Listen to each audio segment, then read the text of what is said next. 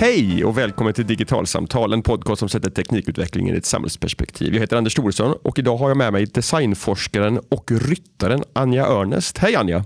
Hej! Idag ska vi prata om ridning och programmering. Kan inte du börja med att förklara lite grann hur det överhuvudtaget hänger ihop? Ja, det, är ju, det kanske inte nödvändigtvis hänger ihop men eh, vi skapade ju ett projekt där vi försökte sätta ihop det. Eh, jag upplever ju att inom ridsporten är, att det är en väldigt konservativ eh, bransch eller sport i det att det är inte så mycket teknik där. Möjligtvis mekanik, att man bygger in mekaniska saker, att hästen får gå omkring i en skrittmaskin. Men, men just att ta fram innovationer som är digitala eller teknik, mer teknikorienterade, det är, det är egentligen ett öppet mål. Okej. Okay. Ja. Så under Eurohorse, som är den mässan som går parallellt med Gothenburg Horse Show, så gjorde ni vad då? Jo, men eh, lite bakgrund till det här. Eh, jag, jag, tycker ju att det är viktigt att få liksom en, en bredare grupp, alltså, eller mer heterogen grupp med människor in i tekniken. För att jag ser att eh, det kommer, det kommer styra vår framtid. Om, om 20 år så är det ju inte en person som, som vi möter när vi går till läkaren eller när vi anlitar en jurist utan då är det ju ett AI. Och ett AI är ju egentligen bara en åsikt som är satt i kod. Eh, och då är det viktigt att det är flera åsikter än bara en som är med där. Samtidigt så har jag märkt, eh, om man tittar på min dotter till exempel, försökte få henne att gå i någonting som kallades för dataslöjd. hon tyckte ju det var astråkigt, eh, rent ut sagt. Mm. På grund av att det finns alltså hon såg inte värdet i att lära sig programmera. Att programmera har initialt inte ett värde i sig utan det är ju just det här att, eh, att lösa ett problem eller ja, att, eh, att behovsformulera och se att man kan eh, lösa det. Så, så hon såg liksom inte en tillämpning för de kunskaperna Nej. som hon skulle ta till sig i den här dataslöjden? Nej, precis, precis. Utan det var bara, nu ska vi lära oss programmera. Why? Och, då, och så började jag tänka lite grann så här utifrån mitt eget perspektiv och lite grann utifrån hennes också. Hon gillar ju att skapa saker och hon gillar att och, ja, ja, men lösa problem. Va? Och så tänkte jag just eh, om man ska få in mycket tjejer så är ju ridsporten eh, eh ett ganska bra ställe att leta upp sådana. Eh, så hörde jag mig till två aktörer och frågade om vi skulle göra något event tillsammans där vi i samband med att man ställer om tiden på hösten eh, så att allting blir mörkt och tråkigt. Eh, att vi skulle lära eh, ryttare att programmera en eh, reflexväst att blinka höger och vänster. Som en, som som en riktningsvisare alltså? Ja, ja, precis. precis. Eh, ett projekt som jag hade sett för cyklister. Så att det var liksom inte så att jag hittade på projektet eh, så utan det var mest att jag kände så här att vi spenderar halva året ute i mörker, vi i form av ryttare. Då. Eh, och då blir det ganska uppenbart att, eh, att det blir ett... Eh, ja, men man ser ju varför man ska göra det. Och det är också ganska enkelt. Eh, vi på RISE, då, där, där jag jobbar som designforskare, där, där jobbar vi mycket med eh, microbits eh, som någon form av eh, eh, minidator. Eh, och den är ju väldigt kompetent men också väldigt lätt att, att skapa kod för. Då. Med hjälp av blockprogrammering? Precis, precis. Och så är det ju alltid roligt. Alltså om man tittar på ridsporten så är den har ju oerhört mycket bling och eh, eh, har ju en stark eh, do it yourself-kultur också. Eh, även om den inte är digital eller teknisk så så gör ju folk väldigt mycket saker själva. Mycket silvertejp. Okay. Men, eh, och då tänkte jag så här, det kan ju vara väldigt roligt att jobba med neopixlar då. Eh, eller paljetter, alltså så här lyspaljetter eller så. V vad är en neopixel för, för oss som inte vet? En pytteliten eh, LED-lampa. Som kan, och den kan ju liksom lysa i RGB-färger eh, och vitt då såklart. Och den styr du väldigt, väldigt lätt med eh, genom din eh, microbit. Ah, Okej, okay. så, att, så att de här neopixlarna var, var, var, syr man in i den här reflexvästen och sen mm. så gör man någon, någon form av programmering av dem Med hjälp av mikro, microbiten? Precis. Och där, det visar ju sig att den, den, stora svårigheten i det här projektet det var ju att sy fast de här med konduktiv tråd. För konduktiv tråd är ju tråd som leder ström och den är inte helt enkel att sy med. Och den får inte få kontakt med de får inte kontakt, få kontakt med varandra heller. Ja, utan, eh, så att jag satt inför Eurohorse då, vi hade ju fyra dagar och målet var att vi skulle lära hundra tjejer att programmera. Eh, och, eh, så dagarna eller veckorna innan så satt jag och sydde reflexvästar för fulla muggar för att tjejerna skulle ha, eh, tjejerna, ryttarna ska jag säga, skulle ha fokus på programmering istället för att sy. Ja, Okej, okay, så det skulle inte vara syslöjd utan det skulle vara dataslöjd som de, som de utsattes för Exakt. eller exponeras för? Ja, okay. ja och, och jag menar, efter ett tag fick jag upp tempot och då kanske jag kunde sy en väst på 20 minuter. Men då är det ju roligare om de kunde lägga 20 minuter på programmering istället. Det var fantastiskt. Det var sånt enormt gensvar. Alltså, å ena sidan så hade vi ju... Eh, vi var ju tvungna att, att få in under fyra dagar och mässan är mellan 8.30 och 21.30. Att få neopixlar till 100 tjejer, eh, microbits till 100 tjejer och lärare under alla de här timmarna. Så att där fick vi, dels så undervisar jag på eh, Yrgo här i Göteborg i webb, eh, de som läser till webbprogrammerare. Så jag fick eh, fem av de tjejerna var där och undervisade och hade några från ett företag som heter I Tiden och och så. Eh, och lite andra människor som var intresserade av att vara med och hjälpa till. Men ett enormt gensvar i att, att vilja vara, vara en del i det här. Att möta tjejerna och... Jag säger tjejer hela tiden. Det var inte bara tjejer. Men hur, hur togs det emot utav, utav ryttarna då? Det, det, var lätt att få, få, få folk att ställa upp för att lära barnen programmering. Fanns det ett mm. intresse från, från barnens sida också? Ja, men alltså både och. Vissa var ju eh, vissa var det lite svårt att få att stanna till. Dels så är det så att, och det här visste jag ju om, att är du på Eurohorse så är du inte där för att lära dig programmera. Nej. Du, du är där för att shoppa, rent ut sagt. Alltså det är en, en shoppingfest. Um, men eh, så att vi försökte liksom bygga upp det på ett sådant sätt så att, att folk eh, dels så förbokade jag faktiskt eh, lite människor som jag visste skulle komma dit. Ni måste komma till oss. Men första dagen, redan första dagen så hade vi eh, lärt 57 stycken. Okej. Okay. Som gick därifrån med en, en eh, blinkande reflexväst? Ja. Det är ju det häftigt. Var, det var så häftigt. Det var så, det var sån känsla alltså. Och eh, de eh, och då, ja, det kom i grupper och då ska tilläggas att eh, första dagen är ju den som är lugnast. Eh, men eh, så att eh, där, där kom vi ju ganska bra bit på vägen. Eh, vi, men sen, så, sen var det svårare för sen blir det ju mer fokus på hästsporten och, och, och shoppingen. När vi, I slutändan så hamnar vi på 147 som, eh, som satte sig ner och, eh, och fick en väst att blinka höger och vänster. Så ni spräckte målet i alla fall med, med, med 50 procent? Ja. ja. Det är ju en ja. häftig känsla. Ja, det var skithäftigt. Ja, det var riktigt häftigt. Eh, men och, och, ja. så som jag förstår det då, så, så handlar det mycket om att, att hitta en, en kontext för tekniken som ligger nära ett befintligt intresse. För att därmed liksom guida in till ett teknikutforskande. Är, är det liksom så som tänket bakom det här såg ut? Ja, men precis. Att, att, man, att man på något sätt hittar någonting som man är intresserad av eller som de är intresserade av. Och så av en händelse så råkar de lära sig programmering. Av en händelse råkar de se att det inte var så himla svårt.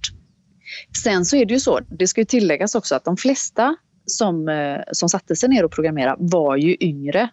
Säg att de var kanske 12-13 års åldern. Eh, och jag, om jag ska vara helt ärlig så ser jag ju kanske den gruppen, eh, de kommer få lära sig det här i skolan.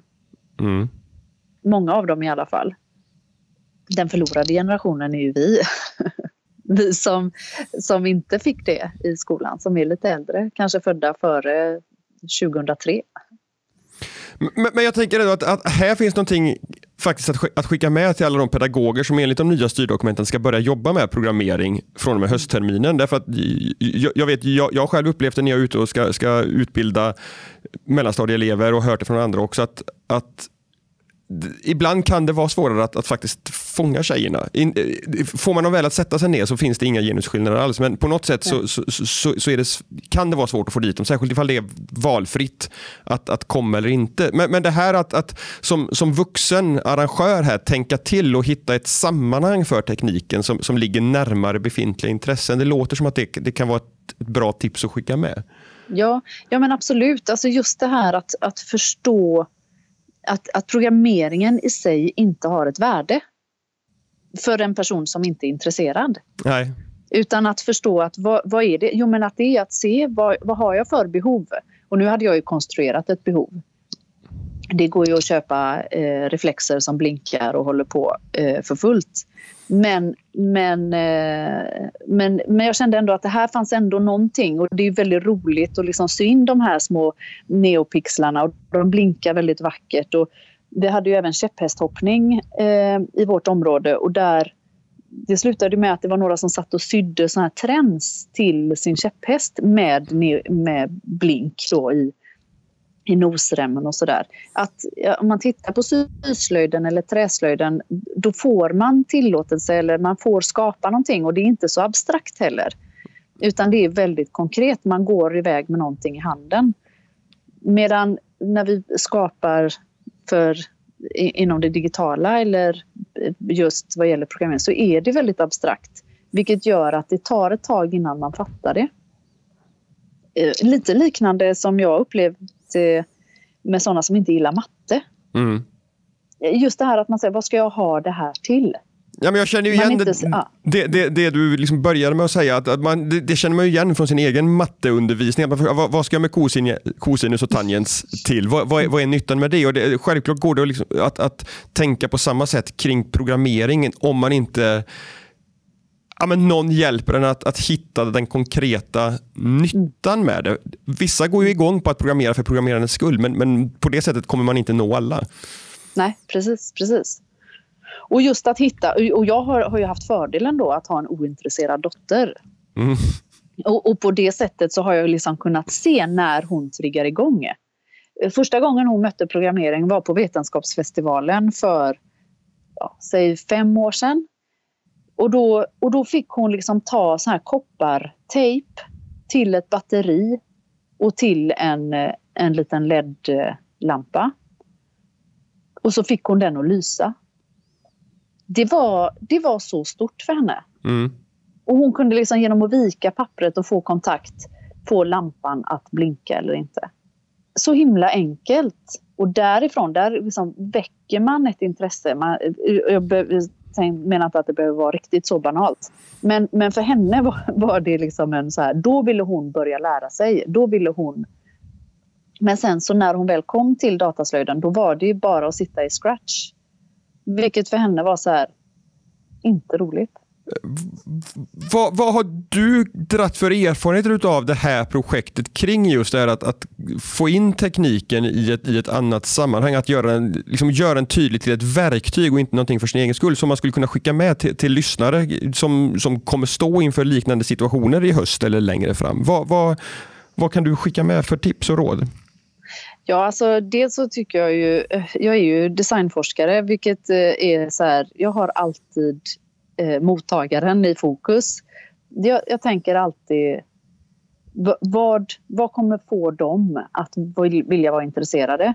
Och rådet som jag kan ge då är det ju att, att verkligen förstå att alla är olika. Och jag förstår ju att man kan inte behandla alla som individer såklart hela tiden. Men att på något sätt eh, liksom, få tillbaka lekfullheten och det, det fysiska. Att, att inte röra sig för långt in i det abstrakta. Det är så mycket abstrakt eh, redan som det är. Jag känner ju ofta, jag, jag har gjort ett litet, här litet sidospår, men jag har ett projekt där jag har skannat, 3D-skannat min häst. Mm. Och sen så har jag skrivit ut honom okay. i 3D-skrivaren. Och, och, att skriva ut honom i 3D-skrivaren är ju egentligen bara en biprodukt det är ju ganska ointressant just den grejen eh, för liksom, forskningsprojekt. Men just att scanna in honom är ju super, intressant. Man kan se skador eller mm. hur han utvecklas och så vidare. Men i ett möte med en annan människa, om jag har med mig den här lilla printade hästen och de håller den i handen så blir samtalet helt annorlunda. Man kan, liksom kroppen kan börja förstå på ett sätt som inte hjärnan kan göra om, det, eh, om jag pratar om det i teorin eller eh, bara visar skannen till exempel. Jätte, jätteintressant tycker jag. Och det är ju det som gjort att det här att jobba med microbits eller neopixlar. Så här, du ser, du skriver kod och sen så ser du någonting fysiskt hända. Och vad är det man tycker är roligt i det? Det är ju alltid roligt att och ha blinkande lampor. Det tycker jag fortfarande. Jag vill ju göra, jag vill göra smycken eller vad som helst. Det är ju tråkiga är att man måste ha batterier och eh, microbits med sig någonstans också. Men, men, men lite det där att, att, att få in, ja, men sätta ihop det, skapandet i Okej, okay, nu vill du blinka höger och vänster. Vad händer om vi liksom får det regnbågs, ett regnbågsregn på ryggen istället? Eh, eller vad som Det kan du göra. Ja, för, för det är det som är... För du, du sa att neopixlarna det är RGB-pixlar, alltså, alltså små lampor som kan lysa i rött, grönt eller blått eller kombinationer däremellan som gör det möjligt att, att, att skapa vilken färg som helst. Precis, precis. Uh, och, det, och det gör att, att, trots att det på pappret är en ganska enkel utrustning vi pratar om och som inte kostar jättemånga kronor att köpa heller, lite konduktiv tråd, en mikrobit mm. och, och, några neopixlar, så går det att att med blockprogrammeringen låta deltagarna skapa någonting som de själva utformar på det sättet som de vill att det ska se ut. Precis, och kommer man över den här första då, att bara få den att lysa i en färg. Då kan du börja leka och experimentera själv sen. Okej, okay, rött var inte så roligt. Vad vill jag göra nu? Att, att den lusten, att man liksom lockar fram den lusten. Du började med att berätta om det här utifrån ett betydligt större perspektiv, nämligen att, att väcka in, intresse för teknik och, och, en diversitet bland de som utvecklar teknik. Kan vi komma tillbaka till det och, och så får du utveckla lite mer. Hur, vad, vad, är det du tänker på? Hur, hur resonerar du kring, kring de frågorna? Ja, men jag kan känna, jag, jag har gjort eh, lite projekt eh, kring kvinnohälsa. Ehm, eh, och, eh, och, jag, om man tar eh, eh, appar som, eller tjänster som hjälper dig att ha koll på din menscykel till exempel. Så utgår den alltid ifrån, alltså de som jag har stött på, de utgår ju alltid från att jag vill bli med barn eller att jag inte vill bli med barn eller att jag vill veta när jag ska ha mens. Det är ungefär det som jag är reducerad till. Medan jag upplever ju att min cykel kan vara oerhört mycket mer spännande än så. Och att eh, att istället för att se det som en, en negativ grej, att man kan se det som en... Ja, men, säg att du är i en vågdal och så tar du vågen när den kommer, om du har koll. Men om det är någon annan som har formulerat det här behovet, om det är någon som säger så här, okej, okay, menscykel, du har ägglossning och sen får du mens. Det är det du vill veta. Om jag är reducerad till det, då är det den tjänsten som jag får. Eh, och om jag då inte kan vara kravställare eller behovsägare eh, eller för den delen skapa koden själv så blir jag reducerad till det. Och då blir det en negativ eh, relation till cykeln eh, troligtvis till slut. Eller skuld eh, eller skam eller, eller sådär. Och då, och då kände jag så här att, ja men vad tusan om vi liksom lär oss att, att bli bättre på att, att, eh, att vara kravställare eller ännu hellre då kunna skapa koden själva hur ska jag få till det? Hur ska jag, hur ska jag få... För jag kan känna lite att eh, vi behöver vara fler. Jag blir ju väldigt insnöad på mina grejer såklart. Men jag behöver ju också ingå i en, en mer heterogen grupp då såklart. Med helt andra behov och, och sådär. Hur, och hur får jag in fler till att, att vilja jobba med det? Um, och där, det är å ena sidan. Och sen så i det ingår ju också det här andra att okej, okay, om man tittar på medicinsk forskning så har ju den inte, den har utgått från en norm också tradition, traditionellt. Eh, och om det, och om vi då skriver kod, om det är liksom, eh, nu raljerar jag lite, men säg att det är 35-åriga män som skriver koden för vår framtida läkare. Kommer de, kommer de ta hänsyn till kön, etnicitet, eh, ålder, och så vidare. Det är inte troligt. På, på samma sätt som krocktestdockor för, för krocktest mm. av fysiska ja. bilar har varit Precis. skulpterade efter en manlig kropp och inte efter en kvinnlig kropp. Exakt, eller du har ju den här eh, automatiska tvålgrejen eh, mm. eh, som inte känner av om, om, om du har en mörkare hudfärg. Mm. Så det, det, det handlar... är ju inte av ondska. Liksom. Det är ju inte, det är inte för att någon är ond eh, nödvändigtvis. Utan det är för att man tänker utifrån sitt eget perspektiv. Och finns det inga fler perspektiv då är ju designrymden begränsat till det. Och för att vända ner det då så, så handlar det om att, att med hjälp av en sån här workshop på, på Eurohorse att, att, att avdramatisera tekniken men också visa på att det faktiskt är vi människor som styr över den och, och, och åtminstone göra de här tonåringarna till, till bättre kravställare att kunna ha, ha andra förväntningar men, men också förhoppningsvis i slutändan locka några av dem att, att faktiskt utveckla saker utifrån sina perspektiv och tankar framöver. Ja, precis. Och där, där var det så fint också att det, för, för det upplever jag också att det liksom saknas ju förebilder. Vilka är våra förebilder? Vilka är det vi eh, vill vara som? Och då, då var det ju eh, väldigt fördelaktigt att ha med ett, tjej, ett gäng tjejer som var programmerare som lärare också. Eh, för det saknas också. Eh, och då, då känner man inte, det är inte det att man är exkluderad, men man kanske inte känner att, att det är en, eh, en naturlig väg att gå. Nej. Utan man behöver liksom göra ett medvetet val att ta sig in eller ur eller så. De 147 sa du det, som, som mm. gjorde en, en väst.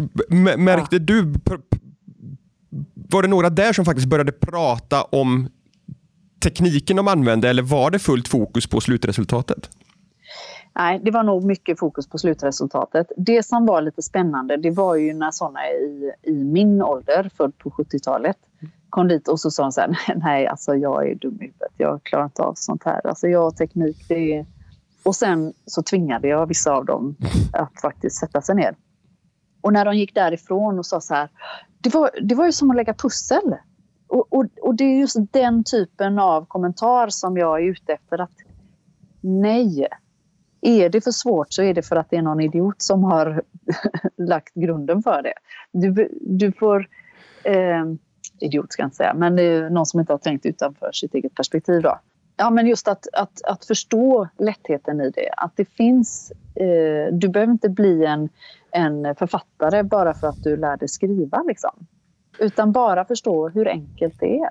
Men, men innebär det här att du blir sugen på att göra något liknande för, för de vuxna som hänger i, i ridhusen runt om i landet också? Ja, alltså egentligen hade ju det varit det mest intressanta. Eh, just utifrån att, att få dem att förstå liksom, att det är inte svårt.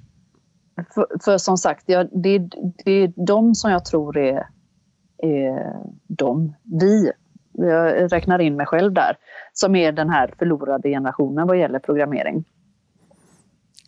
Eh, eller att, liksom, att skapa kod. Att skapa algoritmer eller, mm. eller så.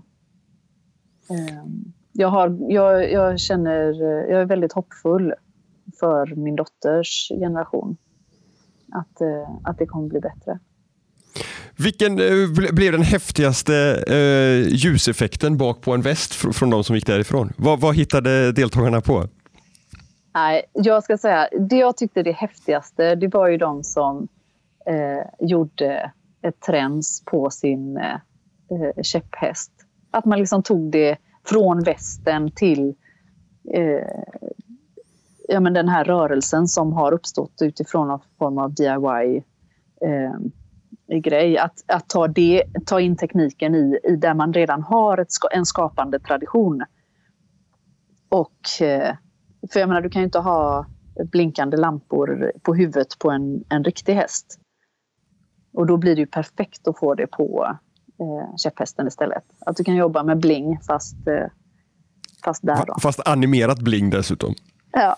Och, och det som är, är häftigt med det då menar du att de, de deltagarna som, som tog det klivet, de har verkligen tagit till sig tekniken och förstått att det här är ett material, precis som alla andra material som jag jobbar med när jag gör saker till min käpphäst. Inte bara göra det projektet som, som du hade förberett, utan med en gång då se de här nya möjligheterna.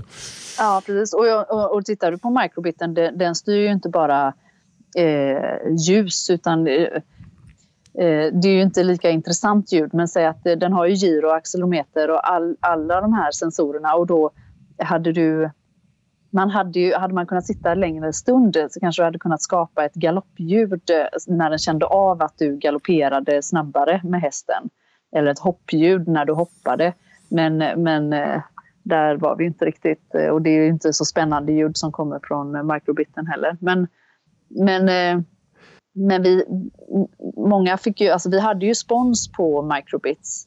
Vilket resulterade i att det var därför vi hade så noga koll på hur många det var kvar. Så är många som gjorde. För i slutet så, vi delade ut de här då.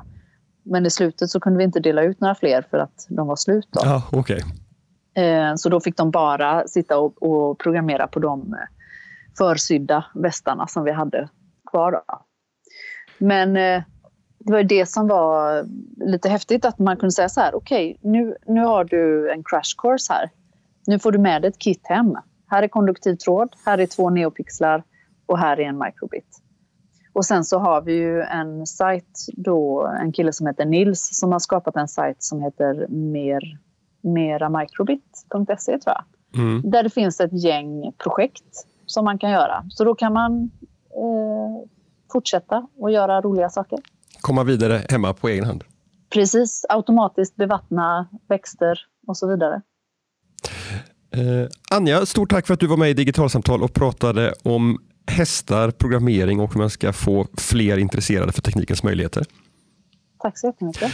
Och till er som lyssnat, eh, gå gärna in på vår eh, Facebook-sida eh, Digitalsamtal och eh, gilla oss där. Lämna en, ett betyg på iTunes eller kontakta oss på podcast.digitalsamtal.se för förslag på fler personer att intervjua framöver. Men med det så tack för den här veckan och på återhörande nästa onsdag. Hej då!